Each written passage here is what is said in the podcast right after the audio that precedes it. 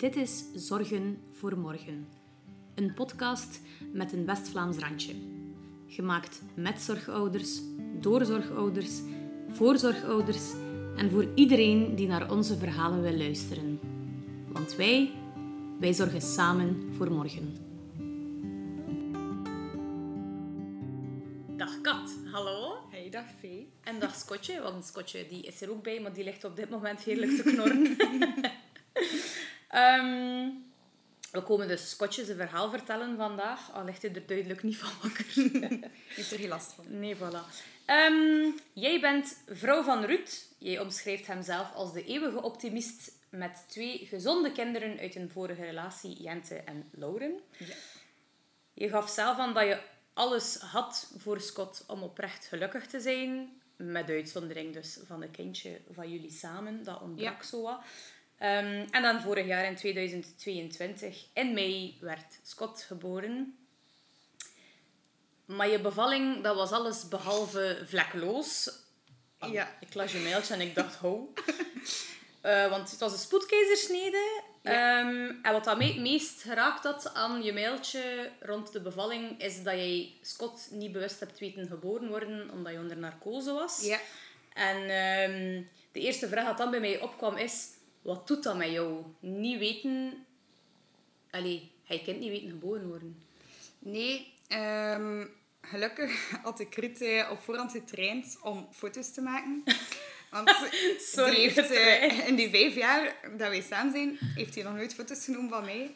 Eh, en als hij dat doet, dan sta ik zo met mijn hoofd ergens helemaal beneden. En vooral lucht en omgeving. Eh, dus ik heb hem echt getraind in die negen maanden van... Please, op mijn bevalling moet je echt mooie foto's trekken. Ehm, en dat heeft hij ook gedaan tijdens de bevalling. En ze zijn wel echt mooi. Dus ik heb wel echt foto's dat ze hem eruit nemen. Prachtige foto. Ehm, ik heb het niet geweten. En nog altijd niet echt. Ehm, ja, dat was een super lange bevalling die niet vorderde. En eh, zijn hartslag viel weg. Dus dat was ook allee, paniek. Dan, dan mijn water gebroken. Ehm, en ze waren dan even weggegaan. En ze, kwa- en ze hadden een laken over mij. En toen als ze terugkwamen, was dat een en al grote bloedplas. Dus zijn hartslag viel ook weg. Dus dat was direct zo paniek. Ze zijn mij daar beginnen omkleden. Ehm, en had die in elkaar gebracht. Ruud mag dan eerst ook niet binnen. Eh, dat weet ik niet zo goed waarom dat, dat was. Ehm, en dan hoor je ook die eh, gynaecologen met elkaar praten over hoeveel bloedverlies verwacht je. En dat is iets dat je normaal niet echt meemaakt bij een Nee. operatie. Dus ik sloeg toen ook in paniek. Ehm, en dan zijn ze beginnen snijden en de verdoving werkte niet. Dus mijn epidurale zat scheef. Oh. Eh, waardoor dat alles voelde. Dus ik ah, was yes, echt dus aan het- jou voelen snijden. Ja, Oh. en ik heb echt geroepen voor mijn leven. Dat was like een varken dat gekeeld werd. Ruud was ondertussen wel al binnen. Ik had ook echt like, zoals stuipen, omdat ehm, zijn hartslag viel weg. Dus ze moesten eh, adrenaline inspuiten. Dus mijn hartslag ging wel heel hard naar omhoog. Dus ik was ook echt zo aan het schudden en aan het beven. Ehm, dus die dacht, ik ben die kwijt. Hè. Dat, Dus voor hem moet dat wel veel erger geweest zijn dan voor mij. Allee, op dat moment hij- het gebeurt ook allemaal zo snel, dus hij zit er niet zo hard mee bezig dan iemand die gewoon Ja, nuchter daar staat te kijken. ja, en Ruud staat er letterlijk gewoon bij. Ik kan niks kunt doen, niks hè. doen, hè. nee, Voilà. echt niet. Ze, ze binden nu ook zo vast. En ja, ik was al aan het roepen. Dus ehm, ik weet dat die anesthesist dan... eh, die stond zo achter mij. En eh, die was bezig. Ja, maar ik kan u niet meer verdoven. Eh, het is te laat. Je moet even doorzitten. dat is wat ik zo van Flarden nog weet. Ja. Oh. En dan eigenlijk zeiden ze op een bepaald moment van... Dus ze volledig in slaap. Dus kreeg ik... ik had al zuurstof, hadden ze een masker gegeven en ben ik eigenlijk weg geweest. Maar ja, een superkort roesje. Ze halen dat dan weg op het moment dat hij geboren wordt. Veronderstel ik. Wat dat Ruud ook gezegd heeft. Maar ja, hij was ook natuurlijk in dat moment. Ehm, en eh, ik weet wel nog dat ze hem dan... Als hij gewogen was en zo, dat ze hem kwamen tonen.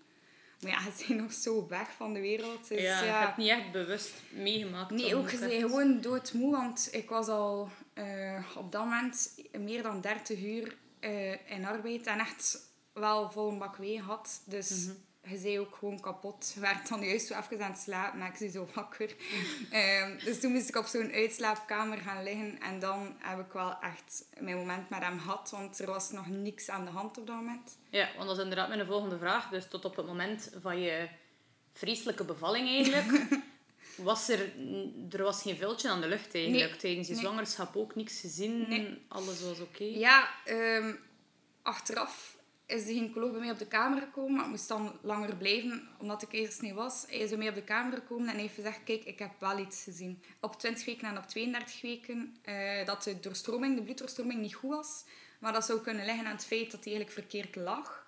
Hij heeft toen ook een eh, tweede opinie gevraagd aan een collega. En die zei ook, hij ligt gewoon verkeerd, dus het zal daarom zijn. Nu ja, ik vraag me nu af, als je dat ziet op 20 weken en op 32 weken, kun je dan niet een beetje extra kijken? Is niet gebeurd. Ja, waarom lichten ze jullie daar niet over in? Nee, op dat moment hebben we niks gehoord ook. Nee. Want inderdaad, hij gaat 20 weken en ze denken, oh ja, hij ligt misschien verkeerd, oké. Maar like dat jij zegt dat je dat twee keer ziet. hij Ja, dan- dat is echt drie maanden later. Hè. Ja. Als het dan nog een keer kijken. Ja, ik ben wel oprecht blij dat hij het lef, of hoe zeg je dat, heeft gehad om, Om het toe te achteraf bij mij te komen. Ja. En hij is echt gewoon bij mij op de kamer komen zitten. heeft daar een uur gezeten, volgens mij zijn uitleg gedaan. Sorry gezegd, ik weet dat ik een fout heb gemaakt. En dat is voor mij het belangrijkste. En voor de rest, ik, ik ben dan dankbaar dat ik tenminste wel de eerste uur met hem heb kunnen doorbrengen. En dat er niks aan de hand was. Mhm. Eh, want als ze het wel hadden gezien op voorhand, dan was die direct meegenomen. Ja. Want ehm, wat je ook in je mailtje zei was van... Ja, Scott die had een perfecte Apgar-score. Ja. Maar toch, hé, een dag dus na zijn geboorte, ontdekten ze... Dokter Google is daar terug. Oeh, ik kan mijn eigen schrift niet meer lezen. Ehm, Een kwartatie. dat hè. Maar dus, ja, dat heet dus... Dat is zo'n Latijnse benaming hier, hè. Coar... Ik weet niet wat... de Zwat, een aangeboren vernauwing in de grote lichaamslagaders. Sorry, mijn excuses, maar ik ga het jullie niet aandoen om een verkeerde uitspraak te doen. Dus een aangeboren vernauwing in de grote lichaamslagaders. Ja. Nu, jij zei dan ook wel van, als ze dat niet toevallig ontdekt hadden, dan zou Scott gestorven zijn. Ja. Want dat is nog voor zijn eigenlijke diagnose eigenlijk, hè, dat ze dat ontdekt hebben. Of ben ik mis? ja, dat heeft wel met elkaar te maken. Ja dat maar, maar ze hebben eerst enkel dat ontdekt waarschijnlijk. Ja, ja dus eh, hij was geboren en eh, wat ze wel, ze nemen dan direct zo wat bloed als ze geboren worden of zo. Of, of eh, een bloedgasje of een prikje. nee, ja. Nee, die nog niet. Ah, niet de hielprik. Nee, Ah, ik weet niet hoe dat kwam, maar ze zagen dat zijn, bloed, zijn suikerspiegel veel te laag was Hmm. als hij geboren was. Dus ik weet nog dat ze op die uitslaapkamer ze hadden hem proberen aanleggen. Dat ging niet. Maar ja, omdat het zo lange bevalling was natuurlijk, zou dat daarmee te maken Ja. Hebben. Ehm, hebben ze hem eh, echt glucose in zijn mond gegeven voor die suiker omhoog te krijgen. Ehm, en toen gingen we naar de kamer. S S'nachts ook niets gedronken. S ochtends ook niet. Weer die suiker zo laag. Hup, en dan weer suiker bijgeven. En dan eh, rond vijf uur smiddags... eh ze hadden gezien bij zijn geboorte dat zijn tongriemke een beetje kort was. Mhm. Dus uh, wou de kinderarts komen kijken van... Gaan we dat knippen of niet? Want daar zijn ze wel voorstander van dat te knippen. Ehm, en op dat moment was de vroedvrouw bij mij om hem te proberen te laten drinken. Ehm, en die hoorde van, "Och, die ademt like niet echt goed. eh, en veel te snel. Eh, en dat die kinderarts binnenkomt voor dat tongriemke te checken, zegt ze van, "Och, zou je misschien een keer kunnen luisteren, want hij ademt niet zo goed. Dus eh de kinderarts zet die stethoscoop op zijn borst. En eh, die zegt zo, oei, eh, ik hoor een ruisje. Eh, maar zegt ze, je moet niet in paniek schieten. Er zijn superveel baby's, allee, superveel, er zijn veel baby's die ruisjes hebben op hun hart. Dat trekt dan weg rond 7 jaar. hé. We gaan een saturatietest doen. Dus dat is dan eigenlijk dat ze saturatie meten in de vinger en in de teen. eh, voor het verschil te zien. Ze zeggen, ja, pas als dat verschil groter is dan 4, dan moeten we ons zorgen maken. Oké, ze gaan die spullen gaan halen. Ze zetten dat op zijn vinger. Dat was, ik denk, eh 95 of zo. En dan zetten ze dat op zijn voet, 70. Dat is al meer dan vier, denk Ja, ik dan. dus ik zie dat, met dat ze zei dat juist gezegd had. Ja. Direct paniek. Ruud was ook net weg, dus ik was daar alleen. Ehm, en ik zie in de gezichten ook zo direct veranderen. Ze pakken hem op, zeggen, we moeten nu ermee naar Neo. Die lopen weg. Ik heb een keizersnede gehad. Ik kan nog. niet stappen, ik kan niet bewegen, niks. Er is niemand bij jou gebleven. Het was even... Op dat moment niet. Ze zijn Ja. echt gewoon beginnen lopen. Zo dat kind pakken en Mooi, oké, ja. Ehm, ja, uiteindelijk is er dan wel snel iemand bij meegekomen. Mhm. En ja, je kunt normaal niet stappen naar een keizersnede. Ik kan niet zeggen, als dat gebeurt, ik sta rap op die gang wel. ja. Eh, dat, op dat moment doet geen pijn meer, Nee, nee, nee, echt niet. Dan ben ik er gevolgd naar Neo. Ehm, hebben ze hem direct ook aan allemaal kabels vastgelegd in zo'n couveuse. En dat was een zaterdagavond. Dus hebben ze de kindercardioloog van Wacht moeten opbellen. Die was daar binnen een half uur, denk ik. Ruud is dan ook toegekomen. En eh, die zei van, ik ga eerst een echo doen. En daarna ga ik pas met jullie komen praten. Dus niks vragen tijdens die echo. Ja, Hey, laat me even hij maar rust. al ja. de was vrij to the point wel supergoed. Eh, dus die eh, neemt zijn echo. Die pakt een blad. Die begint dat hart te tekenen. En die zegt van, kijk, in die aorta ehm, zit er een vernauwing. Dus die aorta zit eigenlijk toe. Ehm, en als je in de buik zit, is je bloeddoorstroming helemaal anders. Dan hebben ze die aorta niet nodig. Dan gaat alles via de ductus. Dus dat is zo'n klein haartje. Ik denk, Melanie had daar ook over verteld. Bij Clara bleef dat openstaan, was dat heel groot. Ja, Ehm, bij hem was dat, aan- na de geboorte sluit dat. ja, hem was dat dus aan het sluiten. ja. Dus dat maakte dat dat bloed Niet, niet, meer ging kunnen doorgaan, maar langs die aorta ook niet meer. Oh, Dus daarom dat ze zeiden, zes uur later ging dat gesloten zijn. En dan ging het gedaan zijn. Ja. oké. Maar je zag niks aan hem. Hij, was, hij zag er perfect gezond uit. Mhm. Maar eigenlijk op dat moment al aan het sterven. Dus eh, toen hebben ze... eh, er is een medicijn dat die ductus openhoudt, Prostaan. Eh, zijn ze dat direct beginnen geven, hebben ze een RTZ gebeld. en die zijn dan eigenlijk direct met een team gekomen voor hem te transfereren naar RTZ. En ik moest in Maria met Lares blijven. Jij mocht niet mee? Nee, ik mocht mee. Ehm, maar er was een of andere babyboom aan de hang. Ehm, waardoor dat ze mij op een tweepersoonskamer gingen leggen met een mama die eigenlijk net bevallen was van een gezond, perfect kind. Die coronababy's, hè. Ja. En ik zei, nee, dat doe ik niet. Nee, dat is... Ik ga daar niet bij gaan liggen. Ik ga mijn eigen niet kapot maken. We wisten niet of dat ook goed ging aflopen. Mhm. Ehm, dus dan heb ik besloten van, ik ga hier blijven. Het is daar super materniteit. Mhm. Ehm, en die hadden mijn baby ook gezien. Dus alleen naar mijn gevoel was dat dan zo van... Jullie zijn de enige die ook mijn baby hebben gezien, letterlijk. Eh, ik wil hier blijven. Ehm, plus Ruud mocht daar ook bij mij blijven slapen. Ah ja, En in was niet niet. alleen. dus ja. daardoor moest ik niet... Want ja, naar huis kon ik nog niet, want ik had die keizersnede gehad. Ehm, dus wij zijn in Marie met de rest gebleven. En Scott is getransfereerd. Eh, maar dat is ook maar op 10 minuten van elkaar. Ah ja, Dus de- dat was op voorwaarde dat ik wel elke dag naar Tuzet mocht gaan en terugkeren. Oké, va. Dan Ja, is het moest wel het makkelijker nu te kaderen. een uur rijden zijn, hadden we dat niet gedaan. Waarschijnlijk Mhm. dan was ik wel meegegaan en op mijn tanden gebeten.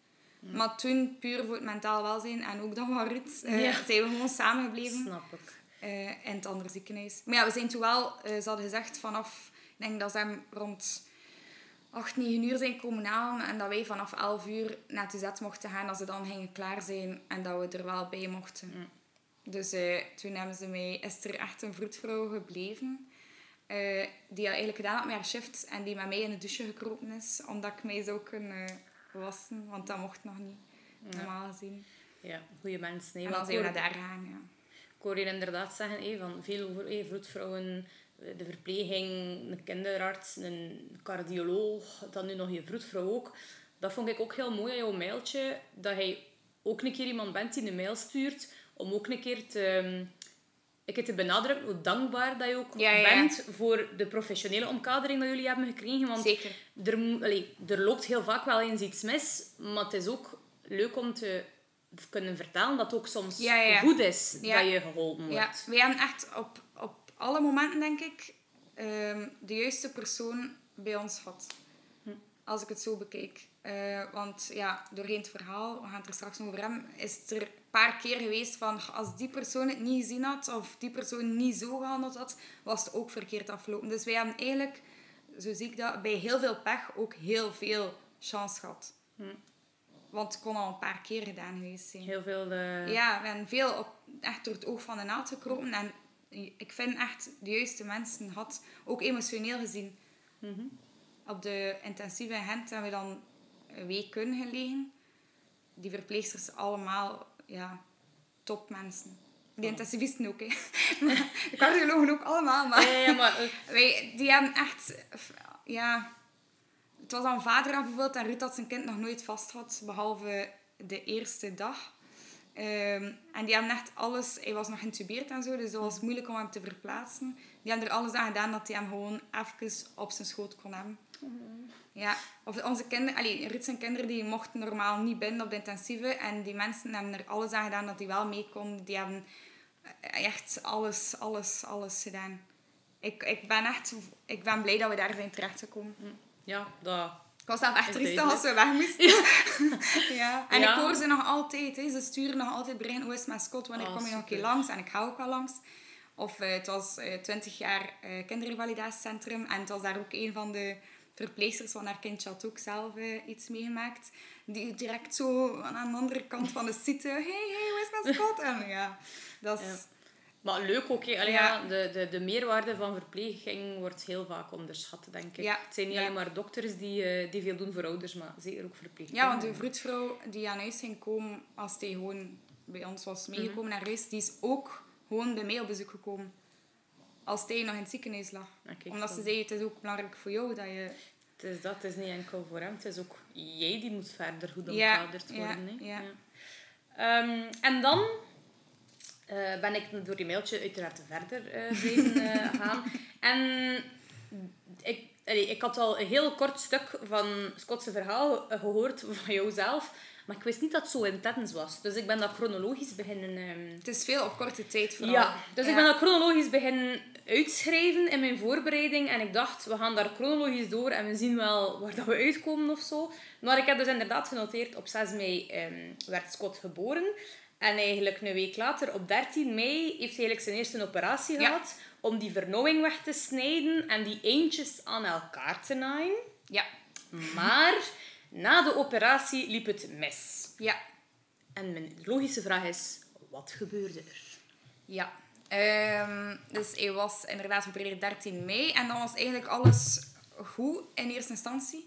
Eh, we kwamen daartoe, ja, vreselijk om je kind zo te zien. Gewoon, dat is ook een pasgeboren baby die op dat moment gebombardeerd is van het vocht en weet ik veel. Ehm, maar hij was wel stabiel. Ehm, ze gingen hem ook eh, extuberen, want hij was nog geïntubeerd van de operatie zelf. Ehm, en ach, ik ben aan het denken, want dat is nu het langste geleden. Ehm, oh ja, toen was alles goed. Ze gingen hem extuberen. Hij ging uit zijn... Want hij lag ook nog in kunstmatige coma, gewoon voor de, de pijn en zo, denk ik. Ehm, ze hebben dat toen gedaan. Hij deed zijn oogstjes open. Dus wij, ach, het is achter de rug. Hey, binnen drie weken zijn we weer weg. Ehm, dus wij gingen ook naar huis gaan slapen. Want we hebben die beslissing ook genomen van in het begin. Kijk, zolang dat hij ook thuis zit, tegen Ruud dan, gaan we wel elke avond naar huis gaan slapen. We konden wel blijven slapen op de intensieve, maar in feite maar één iemand. Hij lag in coma. Als je dan ook nog gescheiden wordt van elkaar, hadden wij zoiets, dat lijkt op dit moment wel erg. Want het enige met wie dat ik kon praten op dat moment was Ruud. Ik moest ook niemand van mijn familie horen, van mijn vrienden. Ik wou dat niet. Ruud heeft de telefoons gedaan. Ehm, dus ik wou ook niet nog een keer weggerukt worden van hem. Ja, we gewoon bij een veilige haven Ja, hè. ja, dus we zijn dan naar huis gaan slapen. En wij komen eh, s ochtends om 8 uur ongeveer, was het altijd eh tour van de cardioloog. Dus dan kwamen ze elke kamer in intensieve af. Ehm, dus wij wouden daar altijd voor 8 uur zijn. Dus wij komen naartoe. En ze zeggen tegen ons, kijk, het is, het is niet goed. We weten niet zo goed wat er mis is, maar eh, ze hadden hem geëxtubeerd en in eerste instantie was het goed. Maar ehm, zijn longdrukken waren super hoog. Dus hij had heel veel druk. En ze gingen hem terug moeten intuberen.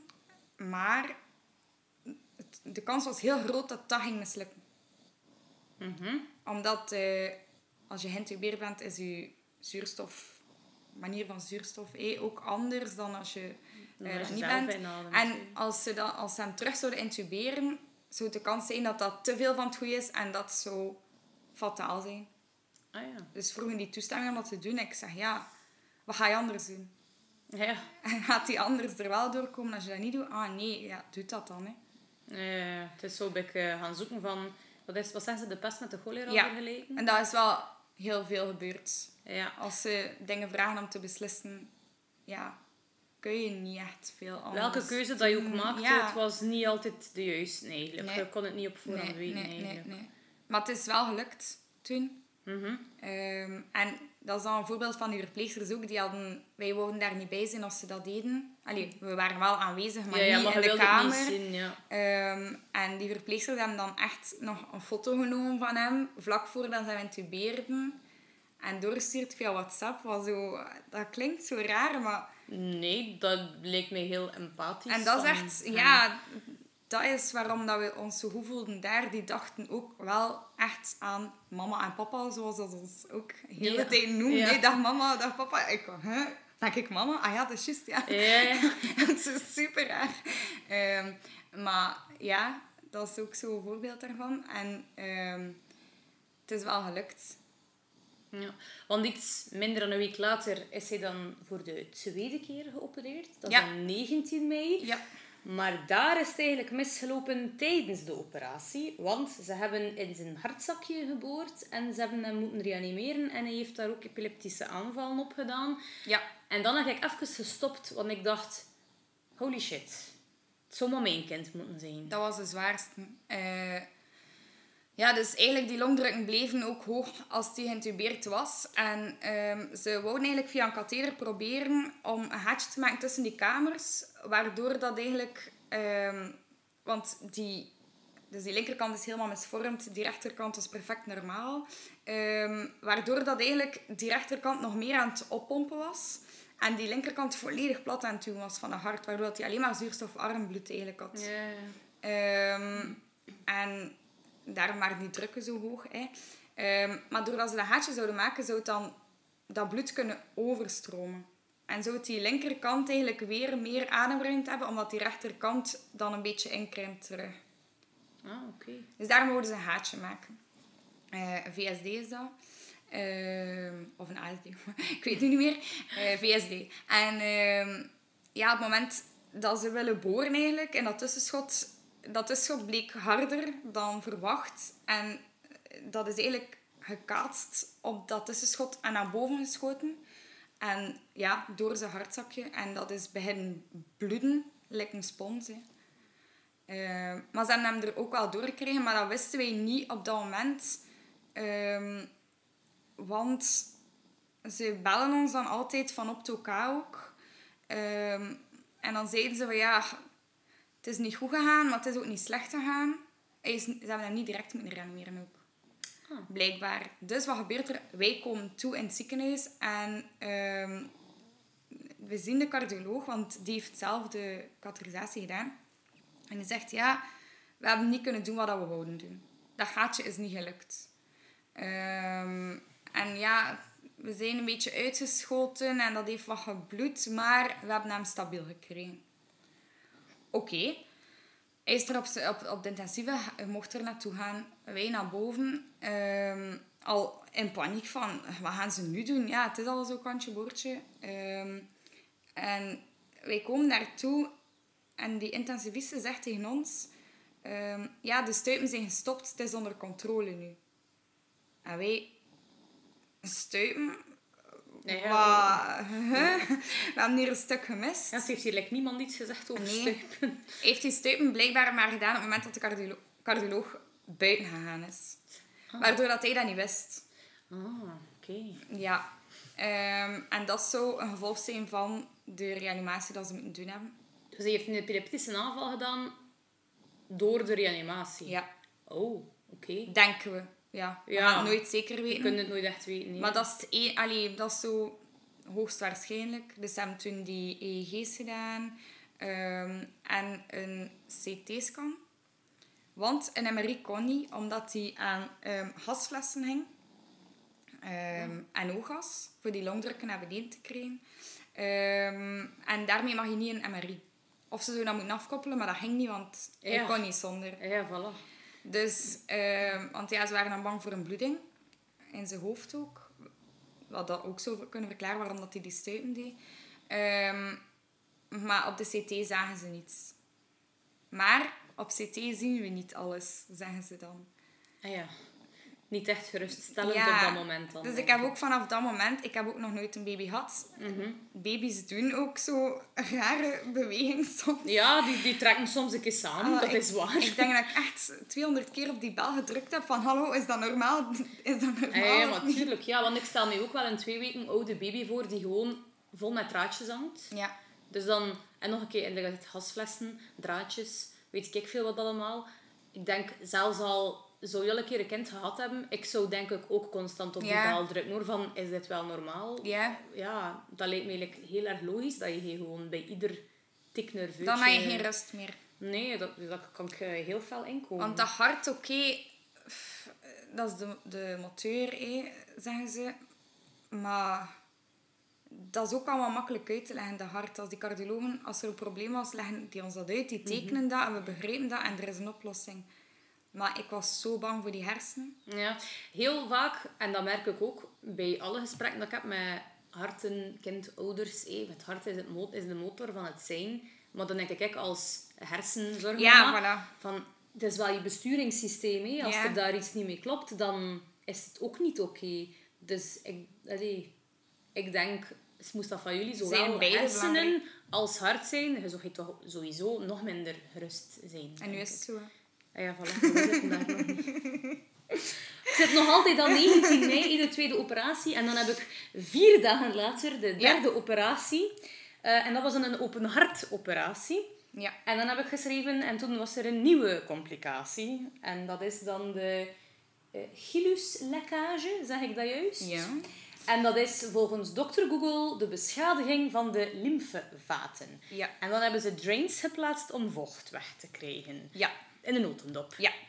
Ehm, dus inderdaad, eh, wat ze tijdens die operatie gedaan hebben, is eigenlijk via chirurgie dat gaatje gemaakt. Want dat gaatje was nog altijd nodig. Ehm, Het kon niet meer via de lies eigenlijk, omwille nee, van die nee, beschadiging nee, want dan. ze hadden het op dat moment eh, tijdens die catheterisatie blijkbaar al twee of drie keer geprobeerd. Ah. Dus het ging gewoon echt niet, dat tussenschot was te sterk. Ehm, maar via chirurgie was dat peanuts eigenlijk. Ehm, dus ze hebben dat opengemaakt, hart-longmachine, heb geboord, toegemaakt en eh, terug. Zegt hij zo, hup, Ja. zo in, on ECMO. En dan, oh, Dat en is, dat is wat ik gehoord heb. je zegt dat zo gelijk een verhaaltje. En ik ben Ja. dan aan het denken, oh my god, ze hebben gewoon dat kind zijn hart stilgelegd. Oké, ja, ze hebben die wel... Allee, ik ken enkel Ja. inderdaad maar de Engelse benaming, on ECMO. eh. Ze hebben die dan die machine gelegd, maar ik denk, dat is gewoon een machine die... Alles overneemt. Oh, ik vind dat zo, zo absurd. Dat is, ja. Allee, ja.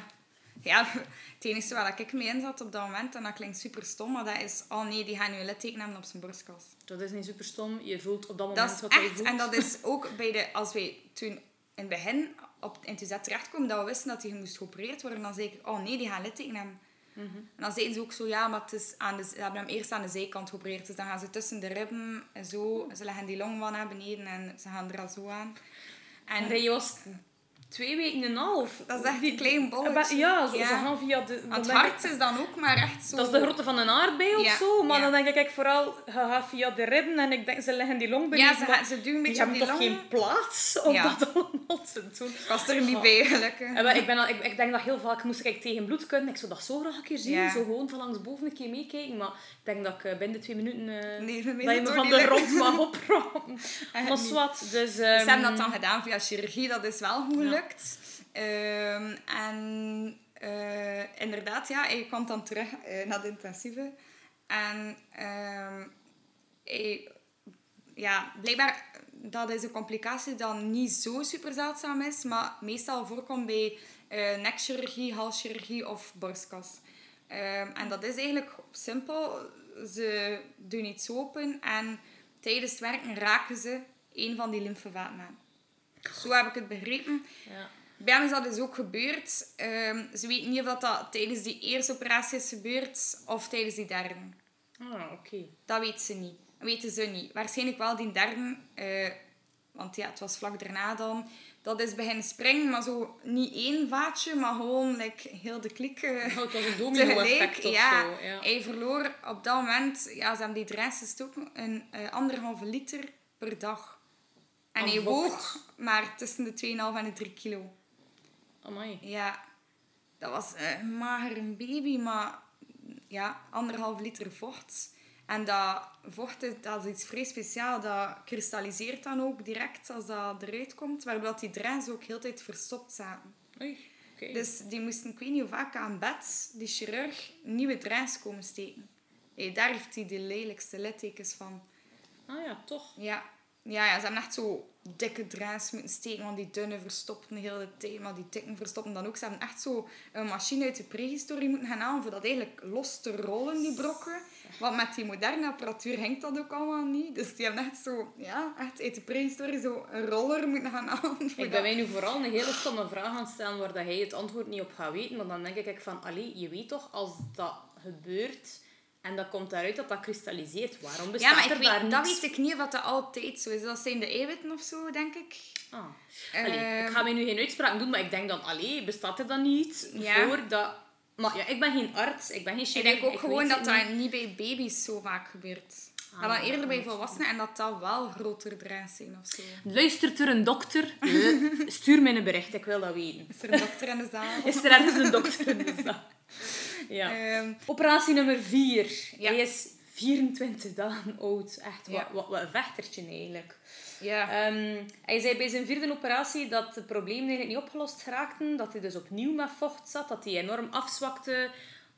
Wat, wat was er met die operatie mis? Even nadenken. Nee, dus die vierde operatie was eh, weer langs die zijkant. hé. Ehm, en hebben ze eigenlijk allemaal clips op die lymfevaten gezet.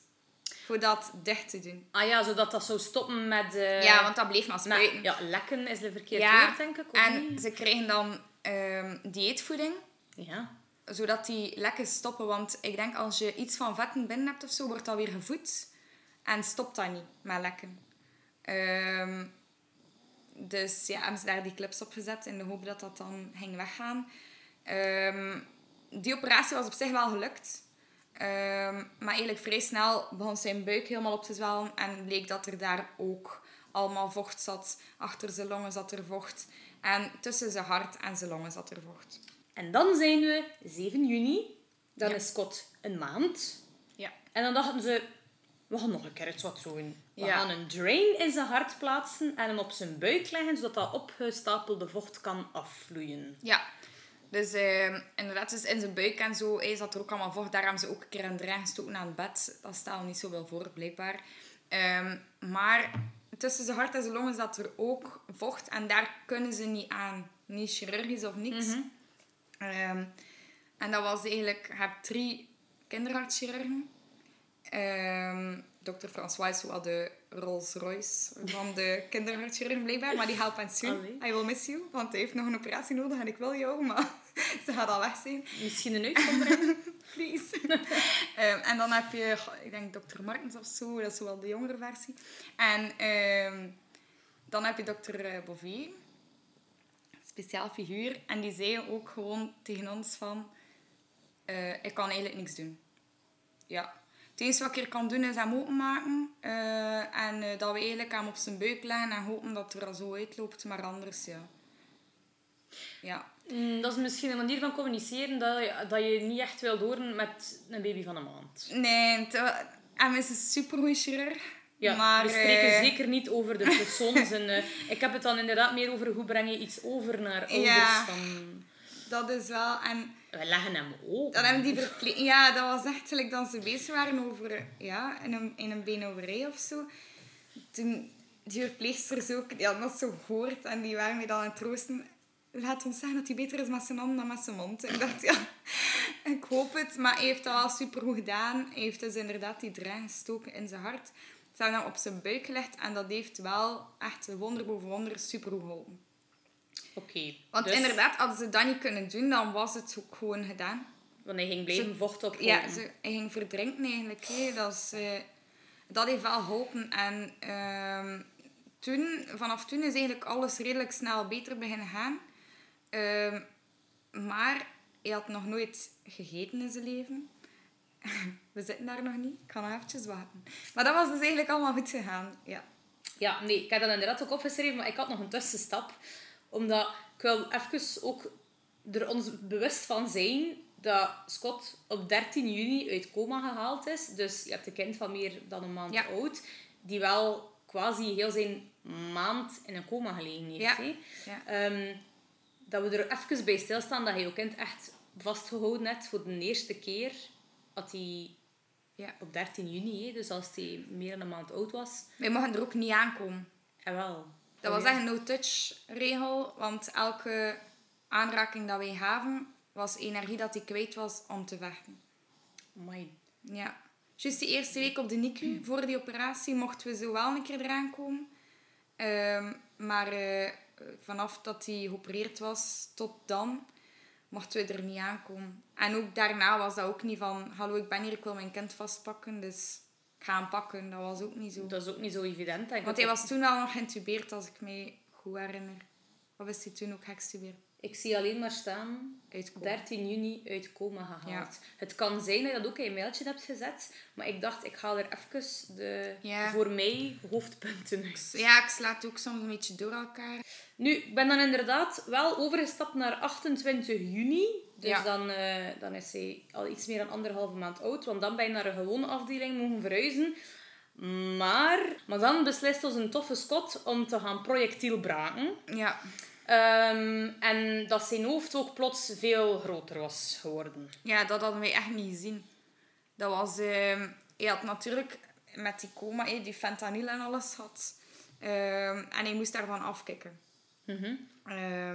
Dus hij bliksemde zo met zijn ogen. Eh, die stonden ook helemaal naar beneden. Eh, dat braken, niet comfortabel zijn, wenen.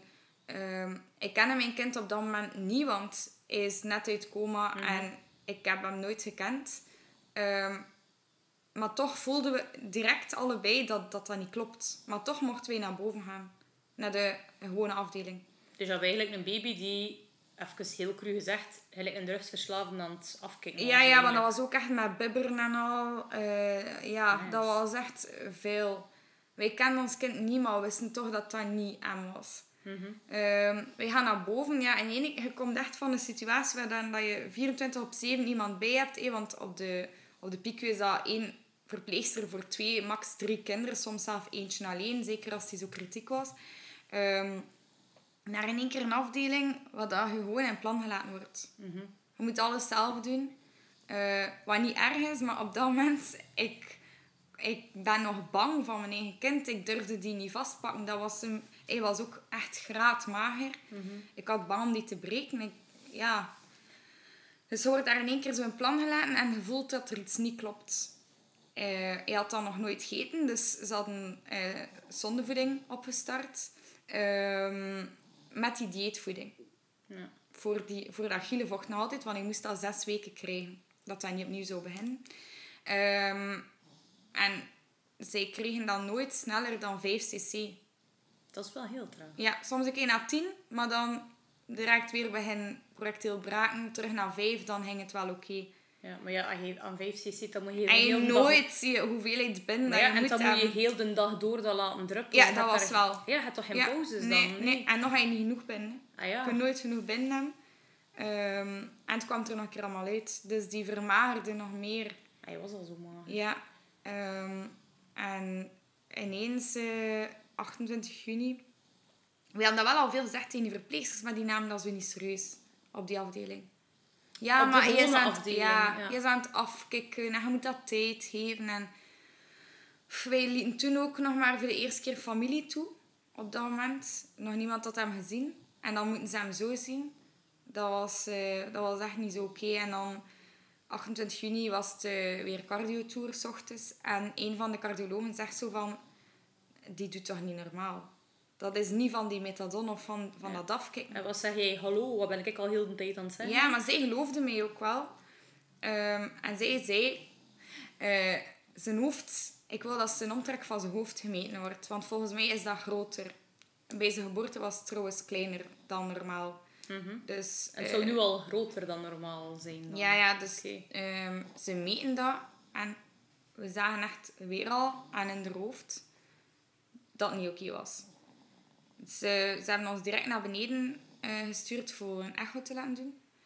Eh, maar ze wouden ons niet zeggen wat dat ze dachten dat was. Dus ehm, Ruud en ik zitten daar in de echokamer te wachten en het was geen dokter bij ons.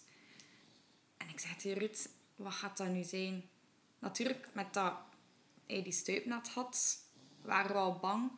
Ehm, en ze hadden ons zo...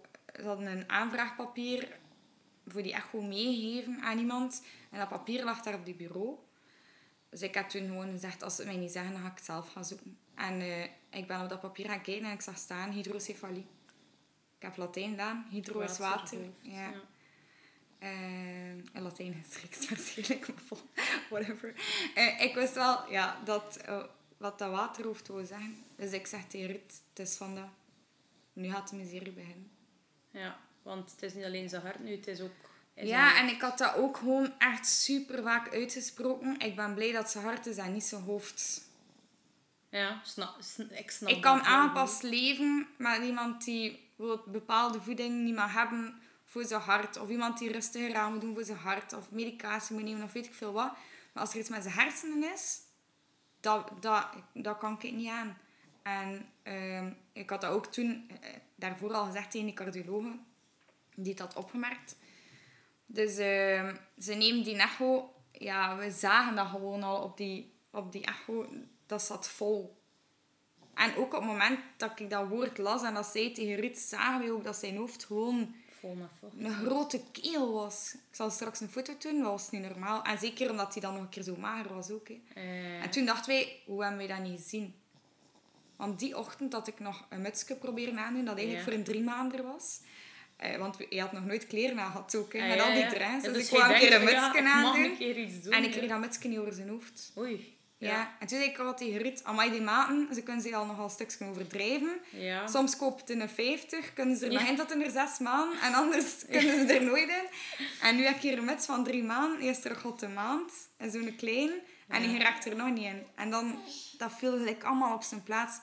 Dus we zijn toen naar boven gegaan. En ehm, we... De, er kwamen dokters bij ons en die zeiden, kijk, eh, we zien veel vocht in zijn hersenen. We gaan eh, kijken voor zo snel mogelijk een MRI te doen. Ehm, want ondertussen was hij van die gasflessen af. Ehm, en ze zeiden, ja, maar dat kan wel zijn dat dat pas morgen is of zo. Ja, ik kreeg daar echt een crisis. En in één keer eh, kwamen ze ons een half uur later al aan, er is plaats, we gaan nu gaan. Eh, dus ja, ze doen nu dan weer in slaap, hup, naar.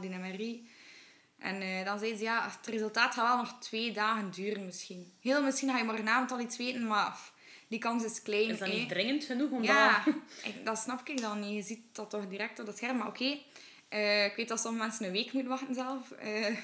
Dus ja, maar wij wel bang natuurlijk. En ehm, ik denk, nog geen uur later zien wij echt gewoon zo een bende mensen op die kamer afkomen. En dan weet je gewoon, Het is niet het feit dat ze hier nu al zijn, is niet goed. En ze zijn met meer. Ja, ja, ja, ja. En die cardioloog was er ook bij en die keek, ik zag gewoon aan haar blik al, het is echt fout. Die heeft mij ook direct vastgepakt en dan ben ik echt beginnen wenen en dan zei ze, sorry, het zijn zijn hersenen. Ach, kijk, als ik daar nu aan denk. Die heeft me echt vastgepakt. Ehm, en die chirurg is dan komen uitleggen, ja, kijk, het is een- waterhoofd, hij heeft een dubbele hersenbloeding gehad in zijn motorisch centrum. En als gevolg daarvan is er blijkbaar een waterhoofd ontstaan. Eh, dus ze, hebben dan, ze dan een shunt in zijn hoofd steken, dus een buisje van zijn hersenen naar zijn buik, waardoor dat, dat mooi kan aflopen. Want als ja. ze dat direct wegnemen, dan, en die schedel is zo uitgezet, kunnen die hersenen instorten en dan is het sowieso einde verhaal. Natuurlijk, met die operatie heb je nog altijd... Het is die operatie op zich hé, altijd een risico, maar het, gevaarlijkste was eigenlijk na die operatie.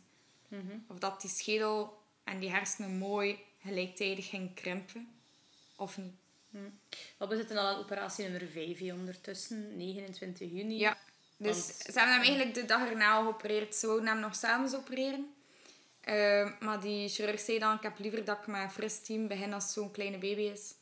Ben, ik ben al heel blij dat ze dat, dat, ze dat eerlijk durven zeggen van we zijn te Ja, ja. Ja, het was toen al, ik denk, zeven uur of zo. En hij zei, ik, ben- ik doe dat liever dan morgen als eerste. Ehm, En dan zei ik, oké, maar dan wil ik nu direct terug naar die intensieve.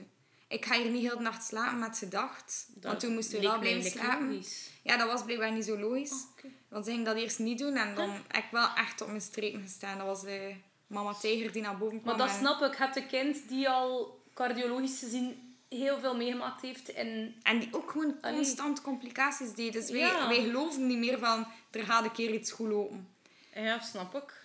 Ja. En ze hebben het dan wel, de psycholoog was dan ook langsgekomen, die cardioloog was dan ook langsgekomen. Allee, die was daar al. Ik heb toen ook gezegd tegen ik kan hier niet slapen met een kind waarvan ik niet zeker weet dat hij er morgen nog gaat zijn. Want die druk is hoog, maar er wordt niks aan gedaan op dat Mhm. moment tot de volgende ochtend. Hè. Ja, dat vocht het ook in zijn hoofd. Ze hebben het niet dat ze het eruit laten die naam. Nee, nee, nee, nee. En ja, dat was... Die ogen die stonden ook helemaal naar beneden. Dus dat was, en dan noemen ze sunset eyes. Eh, en dat- ja, dat is like echt zo de horizon met een klein half oogje dat je nog ziet. Omdat dat zo naar beneden geduwd wordt van de druk. Amai. Dus het was echt al ver gevorderd. En ja, ze hebben wel geluisterd, ze hebben naar beneden gebracht. En ehm, de volgende ochtend zijn ze hem al om half zeven of zo komen halen. Is echt heel vroeg. En eh, ze belden, alles is goed verlopen. En dat is de enige operatie dat we hebben, denk ik, dat geen complicaties heeft. eh. Eh, ja, ik, heb, ik heb geen Gehad. complicaties Nee, nee, gevonden. nee, nee, een- nee. Allee, ja, we kunnen er Nee. wel over lachen of zo, maar... Amai. Eh, maar dan, 20 juli, mag je eindelijk naar huis. Ja. Dus je hebt dan een baby van twee maanden en een half. Ja, drie bijna. drie bijna. En je mag, er, eh, je mag ermee naar huis. Nu, wat ik mij wel afvroeg was van de gevolgen van zijn hersenbloeding. Dat is nog onbekend, hè? Ja, want ik weet nog dat ze dan... ehm wij waren nou juist terug overgeplaatst naar de intensieve. En de, de neurochirurg was met ons komen praten eerst. Even dat te zeggen, ik ga morgen opereren. Maar die neurologen hadden we nog niet gezien. Dus die kwam op dat moment wel bij ons. Ehm, en die zegt, kijk, hé, er is een dubbele hersenbloeding geweest in zijn motorisch centrum. En ik zeg, oké, is dat groot of niet? En die antwoordt met, ja, wat is groot? En dan denk ik, ja, hier heb ik niks aan. Ja. Ik heb ook nooit meer met die vrouw gepraat. Ik Ja, heb vanaf dan alles met die chirurg besproken, want die was gewoon wel helder. Hm. Ehm, ja, wat is groot? Mijn baby is 50 centimeter. Ja. is groot? Ja, is het allemaal kapot of niet? Ja. Dat wil ik weten. Maar ja, ehm, ik ken mensen met een kleine hersenbloeding die veel schade hebben en omgekeerd. Oké, ja. Zeg me dan iets waar ik iets aan heb. Maar dat was niet op dat moment. En dat is wel een heel groot verschil tussen cardio en neuro. Bij cardio weet je wat is het probleem, wat gaan we eraan doen en wat kunnen de gevolgen zijn. En bij neuro weet je niks. Nope. Je weet gewoon wat het probleem is, soms. Maar ja, en, ja. Ja. Maar ik snap het wel ergens dat je dat zegt van... Ik heb dat gevraagd, want ik heb dat ook gevraagd van... Ja, bij toch? Flynn ook. Het, eer- het eerste dat ik zei was van, wat gaat hij kunnen? En onze neuroloog zei ook van, ik weet het niet. Ik weet het echt niet. Ik zou het je willen zeggen, maar ik kan het gewoon niet. Op het moment zelf denk je ook inderdaad van, daar heb ik niks aan. Maar aan de andere kant ben ik haar wel heel dankbaar dat zij geen... Geen valse beloftes. of Ja, zo, dat zij ja. niet heeft gezegd van, oh ja, het zal misschien wel dat zijn, of misschien... Zij heeft echt letterlijk Nee. gezegd, ik weet het niet. Maar eh, ik ga dus even van neuro terug naar cardio, want uiteindelijk heeft eh, Scott wel een diagnose eh, Ja. cardiologisch gekregen. En dat is het Schoen-complex. Nu is dokter Google daar wel terug. Dat is een zeldzame hartmalformatie. Dat is eigenlijk een combinatie van vier of acht hartafwijkingen aan de linkerkant van het hart. Ja. Dus die aangeboren vernauwing is een grote lichaamslagader. Dat is eigenlijk niet het enige Nee, probleem. nee, nee, dat is één van.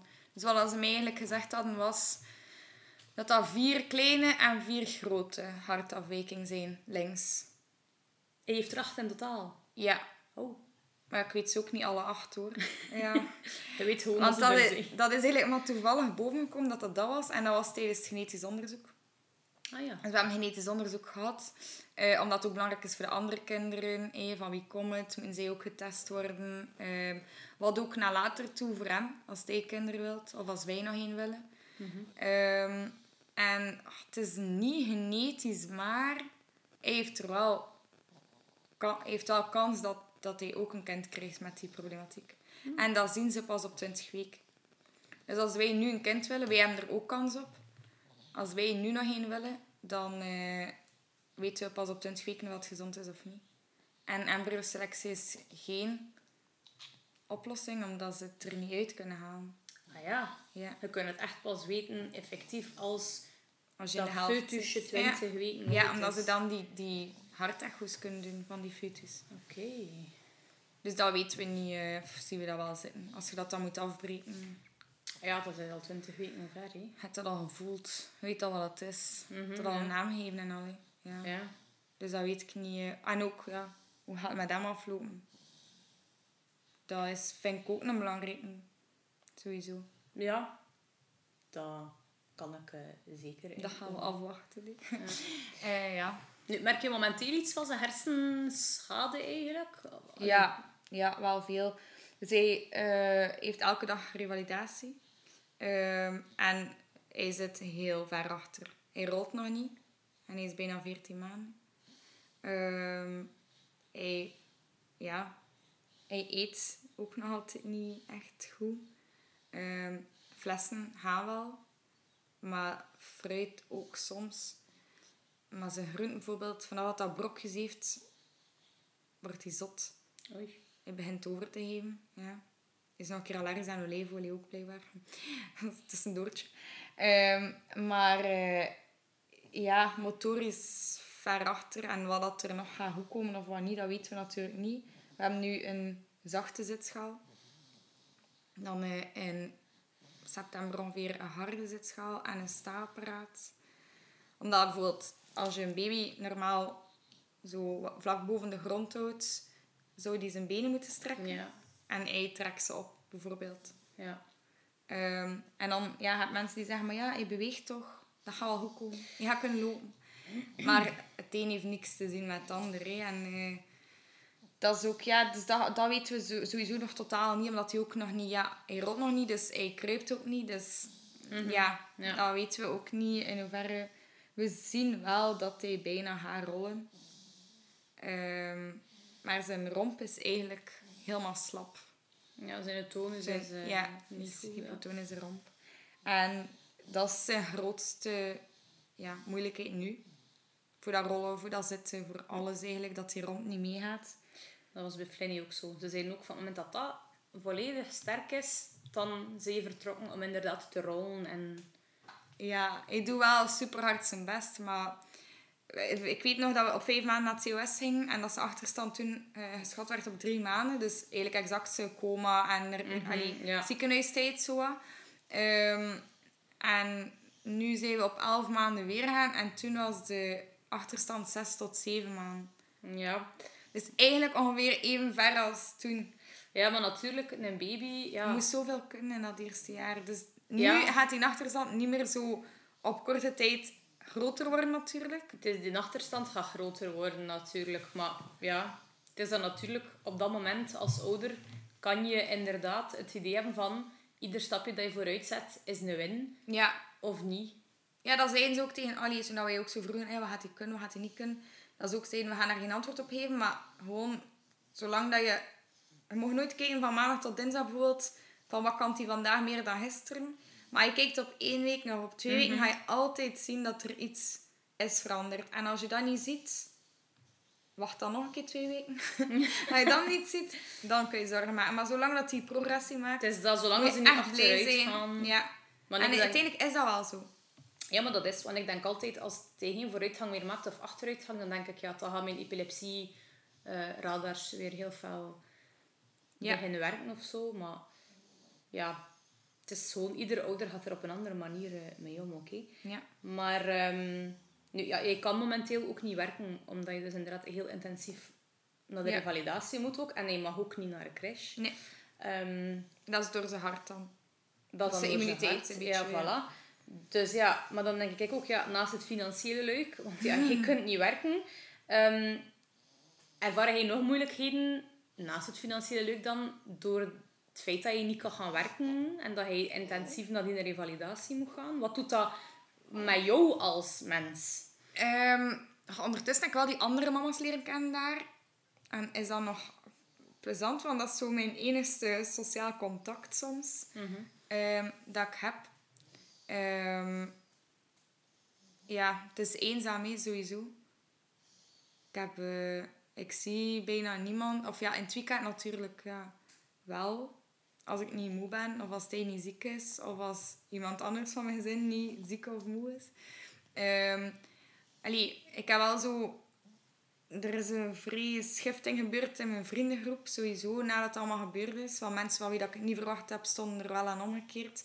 Ehm, en die kleine klik dat ik over heb, die, kom, die doet echt wel moeite. Die komen naar mij, die, die proberen mij mee te pakken. Maar ja, moet constant ook alles afzeggen.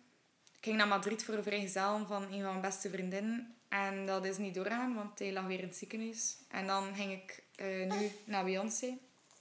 Vorige week. En ik ook last met hem afbellen, omdat hij weer ziek was. En dat, een duur begint dat gewoon te wegen. Dat was nu ook twee keer met dezelfde persoon. Mhm. En dan heb ik het gevoel, ja, die gaan mij een duur niet meer geloven. Die gaan denken van, ze heeft ze altijd wel een excuus. Zegt, allee, op een duur, ik, moest het omgekeerd zijn, misschien zou ik denken, die wil gewoon niet meegaan. Maar ze durft dat niet zeggen. Maar Want ze, ze weet dat ze ging en- ze, ik maak me niet situatie. Ja, toch? ja, ja, dat wel. Ze nemen mij dat ook totaal niet kwalijk, maar... Maar ik snap wel dat je dat zelf... En dat ik vorige keer... Ja, met jou ook, hè. Ja, maar... Hij ligt dan in het ziekenhuis en dan... Ik denk, ja, oké, maar Ruud kan misschien wel naar hier komen. Dat is gewoon beu om altijd af te zeggen. Dus ik begin Ja. nu echt zo'n momenten te zoeken. Maar ik weet, en Ruud zegt dat ook, hij moet hier zijn. Hij moet... Ja, wat jij stuurde Ja. inderdaad naar mij op je initiële datum. Van, ja, Ruud gaat wel blijven, kan ik wel komen. Maar ik denk, jouw kind ligt in het ziekenhuis. Ja, is waar, zeg, je moet- achteraf denk je ik moet geen, zo. niet- Je moet geen niet komen. Ik heb zoiets van, we verplaatsen dat wel. Je kind gaat even voor Ja. op een podcast. Het is beu, want het is altijd op, op zo'n momenten dat, dat het weer misloopt. Ja. Sociaal, ja. Ik heb veel aan mijn vriendinnen die er bewezen hebben van er wel te zijn. Of ook nieuwe vriendinnen. Nee. Omdat ik wel echt beter kan communiceren met mensen die door hetzelfde gaan. Of gelijkaardig. Dan mensen die het niet hebben.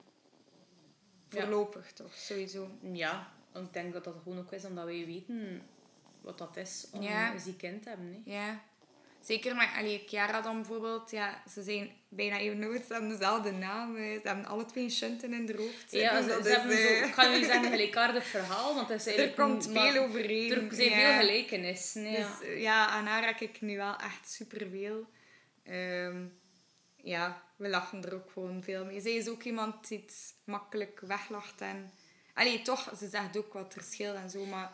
Zij staat ook wel echt positief in het leven. Ja, en maar dat is waar. Een En- beetje zwarte humor soms. En Dat dat, heb heb ik wel nodig. Aan haar heb ik misschien echt wel onbewust nog het meeste gehad.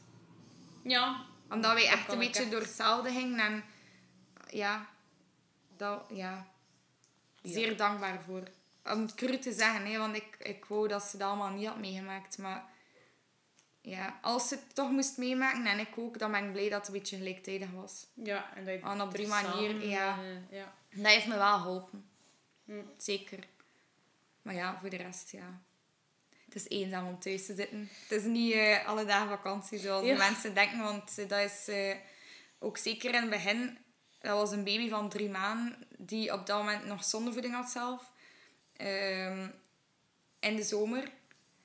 Dus die zondevoeding liep aan 10, 15 toen per uur. Dus dat is constant aanhang. Maar die, dat mag niet warm worden. Je moet die rugzak, die verzorgingstas, die baby, die buggy overal meesleuren.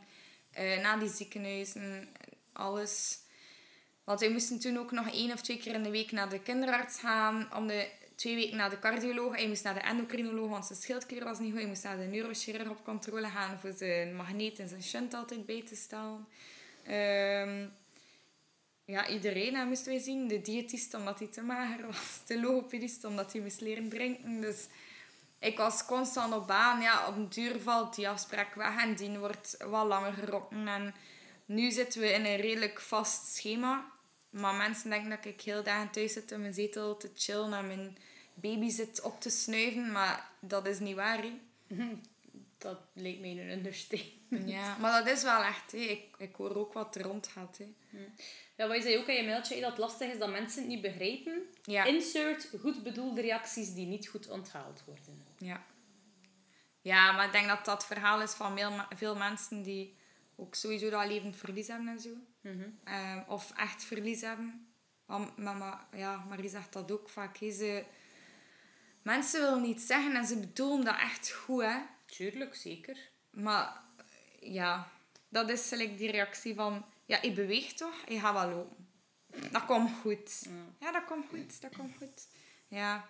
Dat, eh, dat troost je niet. Nee, dat is het Maar we gaan dat ook niet veranderen. En ik had vandaag ook nog iets gelezen. Het is soms beter om iets te zeggen dan niets te zeggen. Want mensen die het gewoon doodzwijgen, is Dat nog erger. Ja, dat is zeker. En dat hebben we heel veel gehad. Mensen die dan aan andere mensen gaan vragen van wat is er daar eigenlijk gebeurd. En eh, ja, dat ik denk, vraag het dan zelf.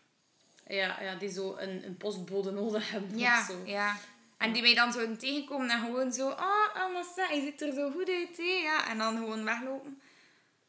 Maar dan hoor je achteraf dat ze het vragen aan Ja, iemand anders. Ja. ik denk, ja, vraag het dan. Of ja, ook de opmerking. Maar je ziet er niets aan, nee? hè? Nee. Als een orgaan nog wat groeien, gaat daarover komen. En dat ik denk, ja, je ziet er niets aan. Maar ja, dat is dubbel, hè. Ja. Ik ben blij dat dat... eh, dat is een schoon ventje. ja, maar dat is Ben eigenlijk ik ook blij, altijd. maar ja. ja. Het is inderdaad Ja, met Flynn is dat ook, hè. Ja, tuurlijk, ja. Dat is ja, een schoon ventje inderdaad, maar ik denk ja. Maar- Ja. maar, ja. Ik weet zelfs soms niet meer goed wat ik daarop moet zeggen. Nee. Ja, het is een schoon ventje. Ja. Ja.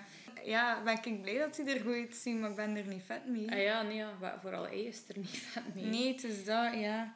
Dus dat is zo, ja, allemaal goed bedoeld, maar... Praat, ah, like ook als je vraagt hoe dat gaat met mij, wees dan ook oprecht geïnteresseerd naar wat Ja, ik te zeggen meen- heb. Meen het als je het vraagt. Ja, want dan bijvoorbeeld begin ik te praten en dan is het enige dat eruit komt. Ja, maar, ja, maar, zij blij dat hij er nog is. Zij blij met dat.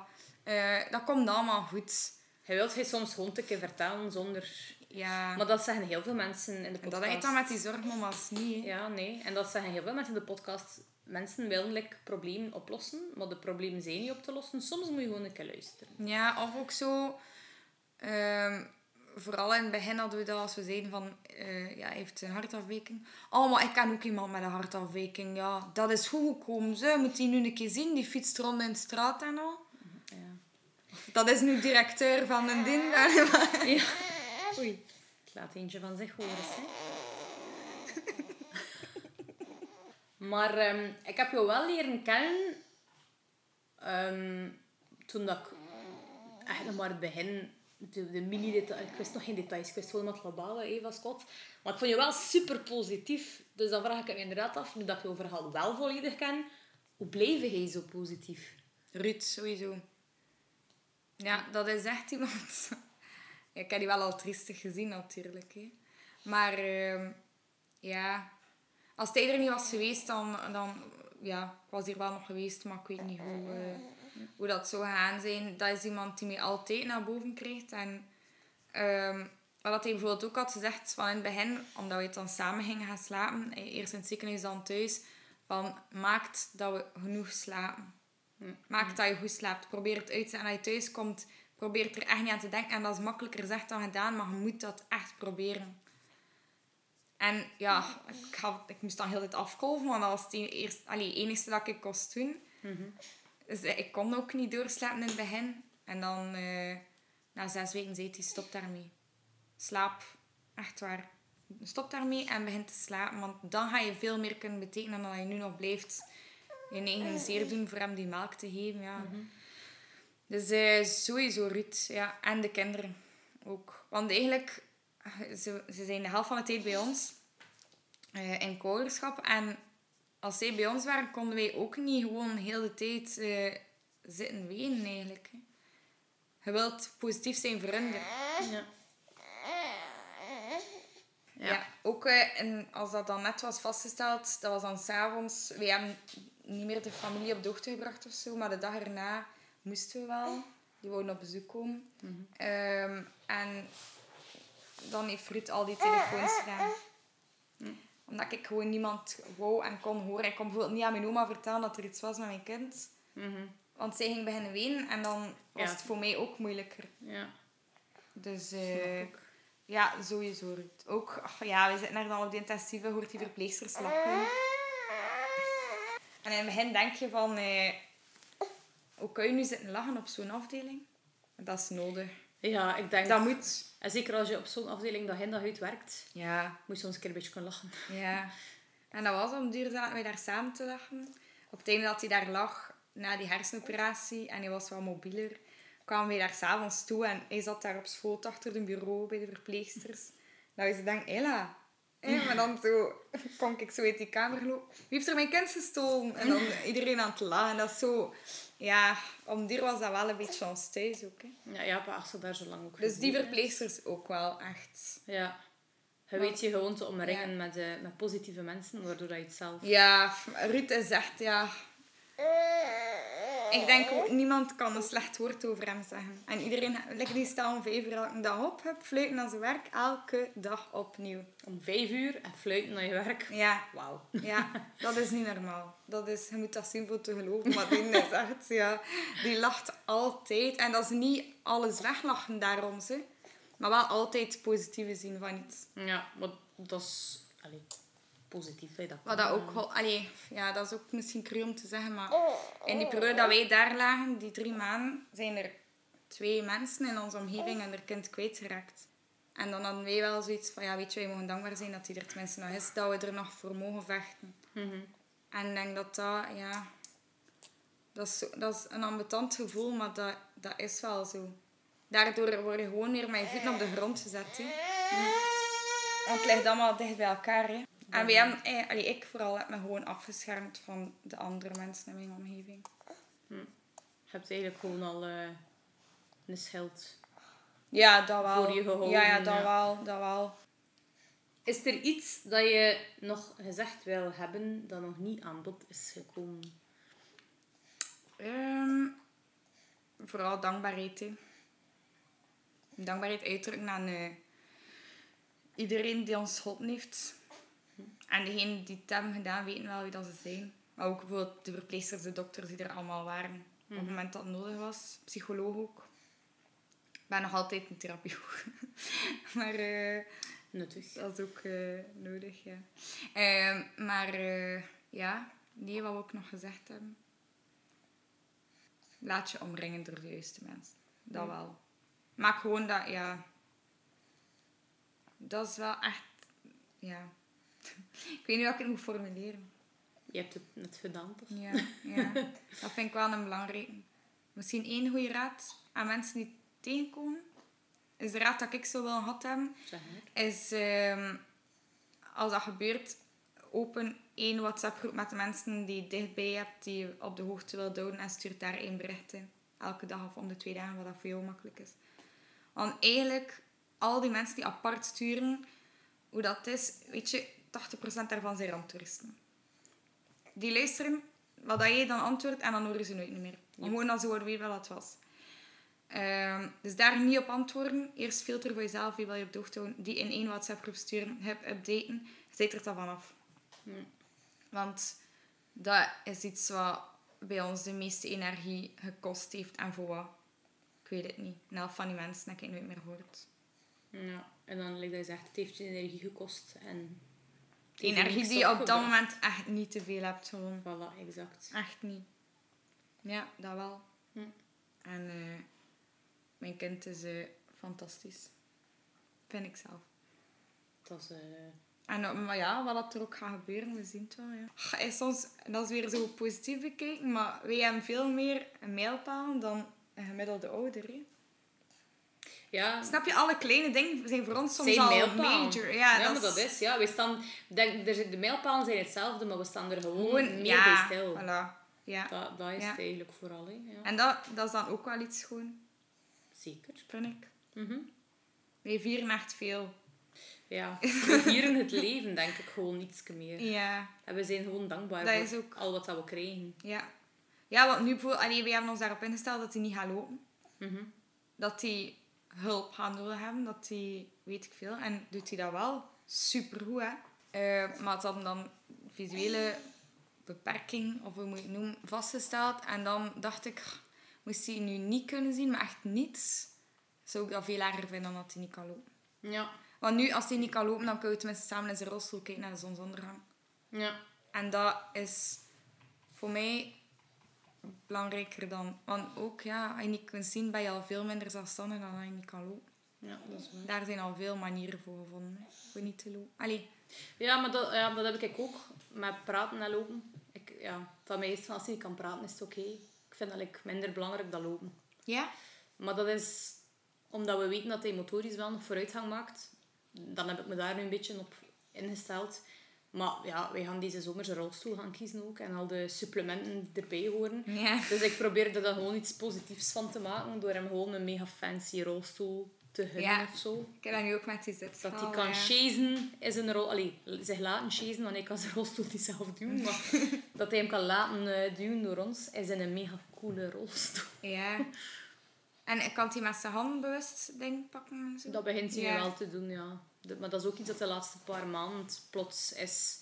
De laatste zes maanden heeft hij heel veel vooruitgang gemaakt. Want de kinesist zegt ook, je mag nu niet schrikken als hij even gaat stagneren. Ja, dat zeggen ze tegen ons ook altijd. Als hij dan ene keer een grote sprong heeft gemaakt. Ja, hij heeft nu een je- grote sprong gemaakt, als in dat hij een paar stapjes alleen kan zetten nu. Ja. En dat hij... Ik ehm, heb echt traan van hebben genomen, man. Ja, ik ook iedere keer dat hij doet, ben ik zo... "Oh." Maar ook, ja, hij gaat nu heel gericht potjes in elkaar steken en Ja. potjes op tafel zetten. Dat is echt heel gek dat hij dat nu plots wel kan. Ja. Dus ik heb, je, ik heb je wat voorbereiding gegeven. Ehm, met welke zin of quote kan je jullie situatie op dit moment het best omschrijven? Ehm, gewoon carpe diem. Pluk de dag. Omdat uiteindelijk bij hem... ehm, als hij van gezond naar ziek gaat, is dat letterlijk op een uur tijd. Ja. En like dat ik zei, ja, mijn plan, vooruitplan is niet zo makkelijk. Mhm, ja. Ehm, we weten ook dat hij nog een zware operatie nodig heeft. Ehm, maar we weten niet wanneer. Maar dat kan eigenlijk bij iedere cardioafspraak zijn als ze zeggen, oké, nu moet het gebeuren. En Mhm, ja. dat dat maar rap gaat. Dus pluk de dag. Maar ook, ja, het komen daar soms ook super mooie dingen uit. Hè. Als je gewoon van dag tot dag leeft. Ik verwacht ook van niemand niets meer. Dus van de dagen ook niet. Allee, dat, is niet, dat klinkt super slecht, maar ik bedoel dat wel positief. ja, maar het feit dat je zegt, ik verwacht van niemand niks meer. Ik denk, ga, ik zou daar beter iets van leren.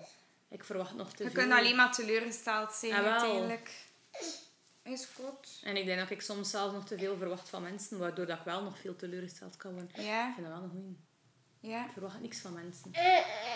Nee, nee. Gewoon van Ruud. van Ruud verwacht Maar, ik veel. ja, maar ik, eh, ik verwacht niks van Ruud, maar... eh, dat is de enige. Maar eh, als ik in de vaat was liggen en gewoon spontaan, Ruud, hij het hoort. Ehm, of mooie foto's trekken van mij en mijn zoon, want dat heb ik ook niet. Allee, je hebt toch geleerd? ja, is al vergeten. Ehm, ja, nee, dat vind ik... Ja, sowieso een pluk de dag. Ja, maar ik vind dat wel een hele Ik weet mooie. nooit hoe dat gaat zijn, eh Moet je, moet je niet altijd eh, de meest eh, Uitleg ingewikkelde quotes... Het is eh, echt makkelijk. Ja, jij zegt van, is dat carpe diem? Ja, sowieso. Echt Ja. sowieso. Ja, mooi. Dat is een mooie om mee af te sluiten. Ja. Merci Kat voor, om je verhaal hier even te komen, eh, te Jij komen ook, doen. merci. Ja, maar graag gedaan.